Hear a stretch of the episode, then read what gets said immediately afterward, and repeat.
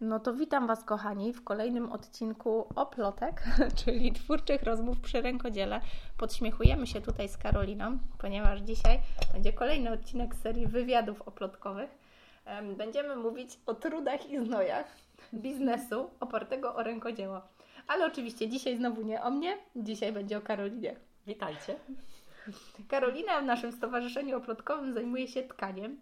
E, więc trochę pociągnę Karolinę za język, żeby opowiedziała Wam o tajemnicach tej trochę magicznej dziedziny rękodzieła.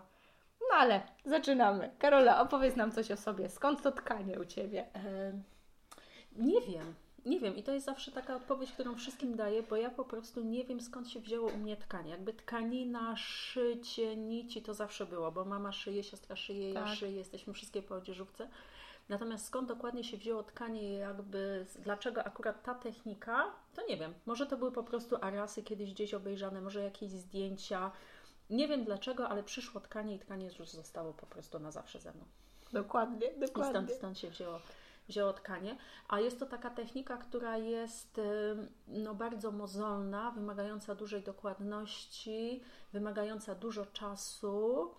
Mm, takiego przysiedzenia, bo to jest też taka technika, gdzie mm, ja zawsze mówię, na pół godziny nie warto usiąść, nie? Co, no tak. najmniej, co najmniej na godzinę. Jeszcze oczywiście to zależy też wszystko od tego, jaki to jest projekt, ale minimum taka godzina którą siedzę przykrośnie, to jest, to jest taki, taki czas e, e, no, no minimalny, nie? Minimalny, Dokładnie. żeby w ogóle cokolwiek zrobić i, i tam się zagłębiać w tą pracę, zobaczyć, co się zrobiło po, Dokładnie. poprzednim razem. Dokładnie. Trochę przekornie mm. zapytam, bo wiem, że wśród mhm. naszych słuchaczy jest dużo osób, które no pomimo, że interesują się bardziej czy mniej rękodziełem, no nie do końca miały styczność z tą techniką.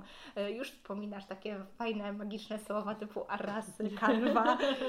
Może pociągnę Cię troszeczkę dalej, bo jeżeli jeżeli ktoś nie tkał, gdzieś mhm. tam sobie wyobraża, jak wygląda taka tkanina, może jakiś gobelin, gdzieś na jakiejś wystawie tak. ktoś może to widział, no ale mało kto pewno wyobraża sobie, jak wygląda ten proces. Mogłabyś trochę opowiedzieć, jak mhm. wygląda takie tkanie od A do Z? To jest taki proces, który właściwie w zależności od tego, co chcemy uzyskać, czy to ma być bardziej tkanina dekoracyjna, czy ma być to tkanina użytkowa, to też zmienia nam się warsztat tkacki. Mhm. Bo ja tkam, akurat zajmuję się w tej chwili e, tkaniną artystyczną, czyli tkam na tak zwanym krośnie pionowym. Mhm. Takie mogą to być takie na przykład małe krosienka, które gdzieś tam można, można kupić chociażby dla dzieci, żeby zapoznać się z tą techniką. Takie, które można sobie na kolanach wziąć. Ja zawsze mam na sztaludze, bo jest mi najwygodniej po no prostu, tak. że mam, mam wolne Podparta, ręce, tak. nogi, tak, podparte, to jest, nie muszę trzymać tej ramy. Więc to jest taka technika i są też na pewno e, e, wszyscy kojarzą takie wielkie krosna, gdzieś na przykład pod lasie, gdzie się tka tkaninę dwuosnowową. Tak, tak, tak. I to już jest wtedy no naprawdę wielka maszyna wymagająca, e, wymagająca konkretnego miejsca i to już jest tak zwane krosno poziome. Ja tkam na pionowym. Tkam tkaniny z reguły jednostronne, bo to też jest taka różnica, że są mhm. tkaniny dwustronne, jak na przykład kilimy i też tkaniny właśnie tkane na tych krosnach poziomych, a moje tkaniny są tkaninami jednostronnymi, czyli jedna strona jest tą dekoracyjną, druga jest po no prostu. No tak, jak ona wisi na ścianie, dokładnie. to tak naprawdę nie ma znaczenia, czy ona jest dwu dokładnie, czy dokładnie. Tak, to nie tak. jest jakaś tkanina będąca przepierzeniem, na przykład jakimś przejściem, no więc, właśnie. więc dobrze, żeby mhm. była e, prawa i lewa strona. Nakładam osnowę, czyli te nitki pionowe, tak. lniane i potem wątek, czyli to, co tworzy nam ten obraz, już powstaje w zależności od tego, co to ma być albo jest to gładka taka tkanina, tylko mająca tak. jakiś, jakiś tam koloryt, jakiś wzór. Często są tkane kopie różnych obrazów. Naj, naj, taki no najpopularniejsi tak. to są impresjoniści, bardzo często mucha się pojawia, bardzo często klin tak. się pojawia. Jak sobie wrzucimy na przykład gobelin w wyszukiwarce, no to wtedy te obrazy się najczęściej tak, pojawiają. grafiki rzeczywiście, tak, rzeczywiście, tak, tak, tak, tak, tak. No i te ariasy wszystkie słynne, nasze wawelskie, to wtedy też są właśnie właśnie te tkaniny takie gładkie, a również mogą być takie tkaniny fakturowe, to najczęściej są sumaki różnego rodzaju. To są też te tkaniny artystyczne, to jest na przykład mm -hmm. abakanowicz, która się kojarzy, czyli tak. już wielkie, w ogóle już zupełnie coś innego, bo to są trójwymiarowe, wielkie instalacje. No tak, abakany właściwie weszły do języka jako abakany. taka nazwa tego typu tkaniny. Dokładnie, tak, dokładnie. tak, dokładnie. No. Rzeczywiście, e, tak też skromnie mówisz o, o ramach. Ja pamiętam, dla mnie było takim pierwszym zdziwieniem, mm -hmm. kiedy sama przyszłam do Ciebie na warsztat, co było takim wielkim zadziwieniem. Zawsze wydawało mi się, że no to krosno to jest takie no mniej więcej takie jak tkanina. I jak zobaczyłam ten moment, kiedy wnosiłaś tą gigantyczną ramę, która musiała rzeczywiście być dużo, dużo większa niż niż finalna tkanina, dotarło do mnie, jak wymagająca jest ta technika, jeżeli chodzi o takie właśnie Mhm. techniczne zaplecze. Tak, tak, bo to jest jakby taka pierwsza rzecz, o której trzeba pomyśleć i którą, o której ja też zawsze mówię na, na moich warsztatach, że sama tkanina to jest ten efekt finalny, a teraz tkanina musi mieć jeszcze Tak. tak, zwane wykończenie, czyli musi być to zarobienie, coś, co nam wzmocni i utrzyma ten, ten nasz efekt pracy, prawda? Tak. Czyli to i na górze, i na dole tej tkaniny. Potrzebujemy też miejsce, żeby móc przekładać w ogóle palce.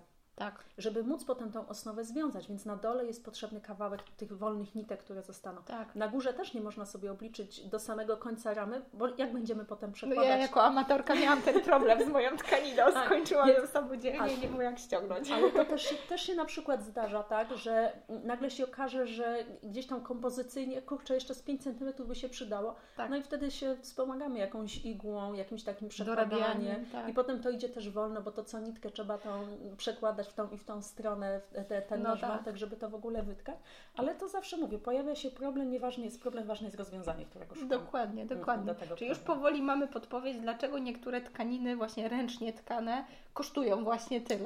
Tak. E, Pamiętam, że Mhm. gdzieś tam, kiedy przyglądałam się pracom właśnie ze znajomionej Alicji, która właśnie robi tkaniny użytkowe, no i widziałam gdzieś tam ceny, no to nie dziwiłam się, że większość jej produktów idzie na eksport, no bo jednak jeszcze polski klient Tak. nie jest przygotowany do takiego rynku. Ale dopiero kiedy sama zaczęłam gdzieś tam u Ciebie eksperymentować z tkaniem, dotarło do mnie, jak żmudna, jak e, wymagająca takiej właśnie skrupulatności i dokładności jest to praca. Jednak ta technika nie jest dla każdego, jeżeli chodzi o takie zaawansowane tkanie Mhm. i produkty, które można by sprzedawać. Ale jak najbardziej, moim zdaniem, jest dla każdego, jeżeli ktoś chce spróbować wejść w ten proces takiego odprężenia, tak. skupienia na, na tej pracy. Wiem, że Ty prowadzisz warsztaty u siebie w Czerwonaku, prawda? E, To jest e, w Koziogłowa, to jest Gminny Ośrodek Kultury Sokół Tak. w Koziogłowach i tam są warsztaty tkackie. Tak. I jak to wygląda w praktyce? No bo wiemy, że to już nie jest taki warsztat jak szydełkowanie, że wystarczy włóczka, szydełko i siadamy w knajpce, żeby podyskutować. Tak, bo to nie jest taki warsztat, e, który może się zamknąć w 4 godzinach. Mhm. Oczywiście możemy zrobić jakąś taką makatkę, którą tkamy grubą wełną, gdzie są Tak. wielkie sploty i tak dalej. Szybko przyrasta. Tak, szybko to prostu. przyrasta, wtedy tego wykończenia też jako takiego nie ma, tylko robimy na przykład jakieś frędzle na dole. Tak, to wtedy na przykład w 4 godzinach się zamkniemy. Mhm. Ale moje warsztaty polegają na tym, że to jest taki cykl roczny Mhm. i wtedy y, też jakby y, łatwość tych warsztatów dla każdej osoby, która chce zacząć jest taki, że właściwie każdy idzie swoim rytmem. No tak. Więc czy ktoś zacznie we wrześniu, tak jak się warsztaty zaczynają, czy na przykład dołączy dopiero w grudniu, to nie ma większego znaczenia, Tak. dlatego że ja i tak z każdą osobą muszę usiąść, pokazać Pracujesz indywidualnie. Tak, dokładnie. tak, że mimo, że to jest grupa, to to są tak naprawdę grupa indywidualistów. Wtedy No właśnie. Grupa indywidualnych tkaczy, ja do każdego podchodzę, każdemu tłumaczę, pokazuję, bo co innego zrozumieć słowo, co innego zobaczyć, jak ta ręka, tak, jak ta ręka pracuje. I wtedy, jeżeli to jest nowa osoba, no to pokazuję te podstawowe rzeczy, czy nałożenie osnowy, co to jest zarobienie, na czym to polega, Dokładnie. sobie wełnę najlepiej. Zaczynamy zawsze od wełny kowarskiej, czyli takiej dywanowej wełny. To jest, y, to jest 95% wełny i 5% y, jakiejś domieszki. To jest Mhm. taka wełna, która nie sprężynuje, na której się łatwo tka, jest dosyć gruba i żeby opanować te właśnie podstawowe takie, opanować rękę, czyli nauczyć tą rękę, żeby ona pracowała sobie na tym warsztacie, na tej osnowie, żeby to się nie ściągało, Mhm. żeby zobaczyć jak to, jak to się układa ta Tak. wełna. I potem już taki warsztat mm, e, pokazuje potem podstawowe sploty, podstawowe łączenia kolorów, jak Tak. uzyskać jakiś kształt. A potem już, jak, jak już e, dana osoba ma opanowany ten cały warsztat, to na przykład wybieramy sobie mm, jakiś wzór. Czy Tak. ktoś chce wytkać coś geometrycznego, czy ktoś chce coś bardziej impresjonistycznego i pracujemy na tym. Dokładnie. To wszystko tak brzmi, jak opowiadasz, jak, jak taka właśnie spójna opowieść, która jest taka łatwa, domyślna, wszystko z wszystkiego wynika, ale pamiętam swoje prze- przeprawy z tkaniem, gdzieś tam podstawowy, chyba ryms to był taki podstawowy ściek, który wydawałby się całkiem prosty, kiedy na niego patrzymy, okazywał się nie lada wyzwaniem. Wbrew pozorom trzeba bardzo dużo myśleć przy takiej pracy. Tak, Jednak tak. jest to jakiś taki poziom odprężenia, relaksu. Dla mnie to jest taka właśnie magia zaklęta w tych powtarzalnych ruchach. Trochę porównuję to do takiej medytacji, czy takiej właśnie jogi, takiego jest, bycia tu i teraz sam Tak. ze sobą. Na pewno tak.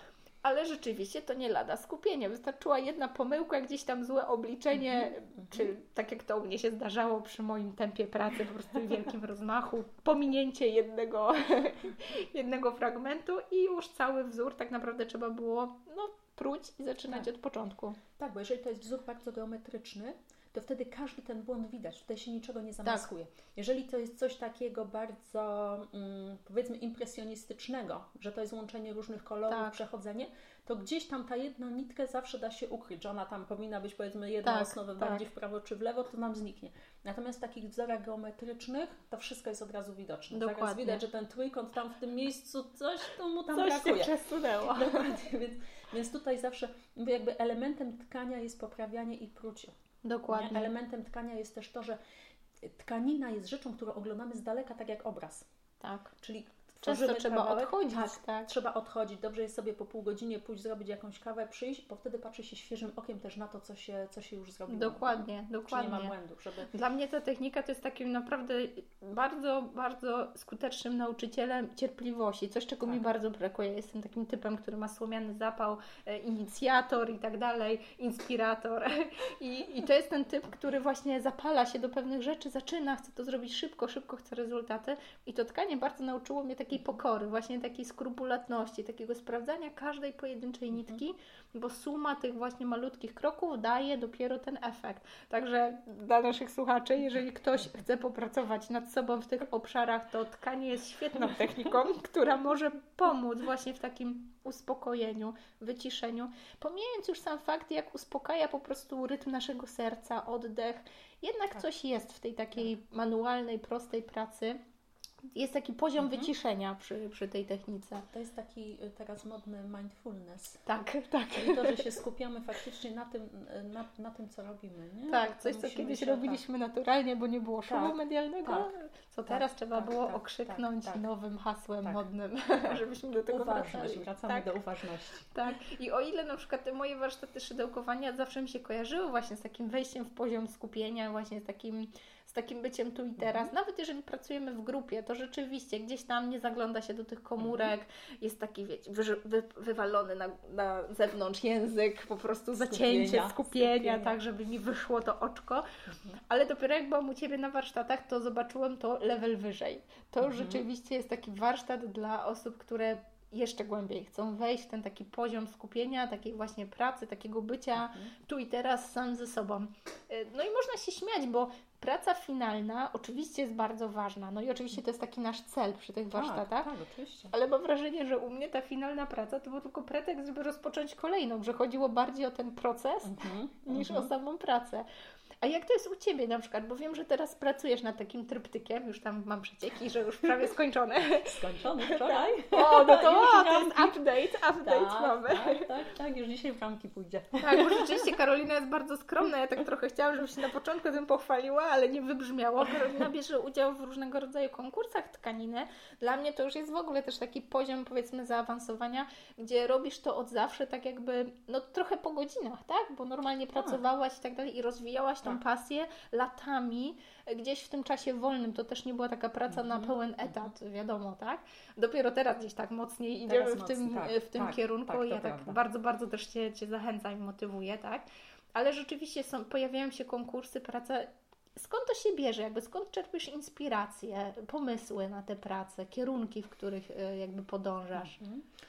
Wiesz co, kreatywność, bo to chodzi o kreatywność, tak. o to, tak. żeby jakby, żeby jakby, żeby powstała kolejna tkanina, tak. musi powstać projekt, czyli muszę tam sobie coś w tej mojej głowie poukładać i zobaczyć, co bym chciała robić. I mówię, że kreatywność to jest taki, taki mały zwierzaczek, który lubi być taki głaskany, taki dopieszczany, tak. żeby tak się ciągle nim zajmować i, tak. i, i, go tam dopieszczać i, i, i patrzeć, z której tam strony i jak. I to jest właśnie takie, że kreatywność też wymaga dyscypliny. Oj tak. Ale to jest coś takiego, że ja już jestem w takim momencie, że, że dla mnie każdy element, każda rzecz, na którą patrzę, przepracowuję już przez tkaninę. Jest źródłem a może to tej wykorzystać, a może tak zrobić, a może to by było fajne, a to tak. może patrzę na rododendrona i mówię, hmm, ażury, może tkanina z tak. ażurami, może takie dziury, może taki kształt, tak. a może coś roślinnego. Tak. Więc to jest też taki moment, że... Oj, ja się bardzo cieszę, że moje monstery giganty tutaj stają się inspiracją tak, do tkaniny. Tak, tak, I to już jest jakby każdy, każdy element, bo ja patrzę gdzieś tam na rzeczywistość już przez pryzmat tkaniny, tak. ale też jest to, że lubię patrzeć na to, co inni artyści tworzą. Mhm. Co inni ludzie robią, co inni rękodzielnicy tak. wytwarzają.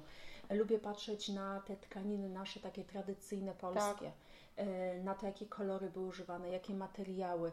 Także jakby to właśnie, co, co inni ludzie robią, wszystko jest dla mnie inspiracją i jakby Tak. ja ciągle jestem zanurzona w tym świecie tkaniny. Tak. No, tak. to, to jest, tkanina jest jakby dla mnie tak ważna, jest takim istotnym elementem mojego życia, że ona się ciągle gdzieś przewija, a to jakiś album z tkaniną, a Nawet to na urlopie książka. gdzieś tam myślenie cały czas działa. Tak, tak, tak, tak, zawsze. I Gdzieś tam urlop, to dane miejsce, to już oczywiście sprawdzam w internecie, a może tam jest jakieś muzeum, a może jest regionalne, Tak. a może będą mieć jakieś tkaniny, a koniecznie muszę iść zobaczyć. I... Dokładnie, Tak, tak, dokładnie. Także, także jakby tkanina jest takim integralnym elementem e, mojego, mojego życia.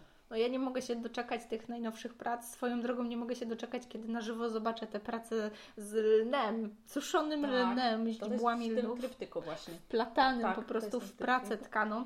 E, No naprawdę nie da się tego opowiedzieć w podcaście, niestety.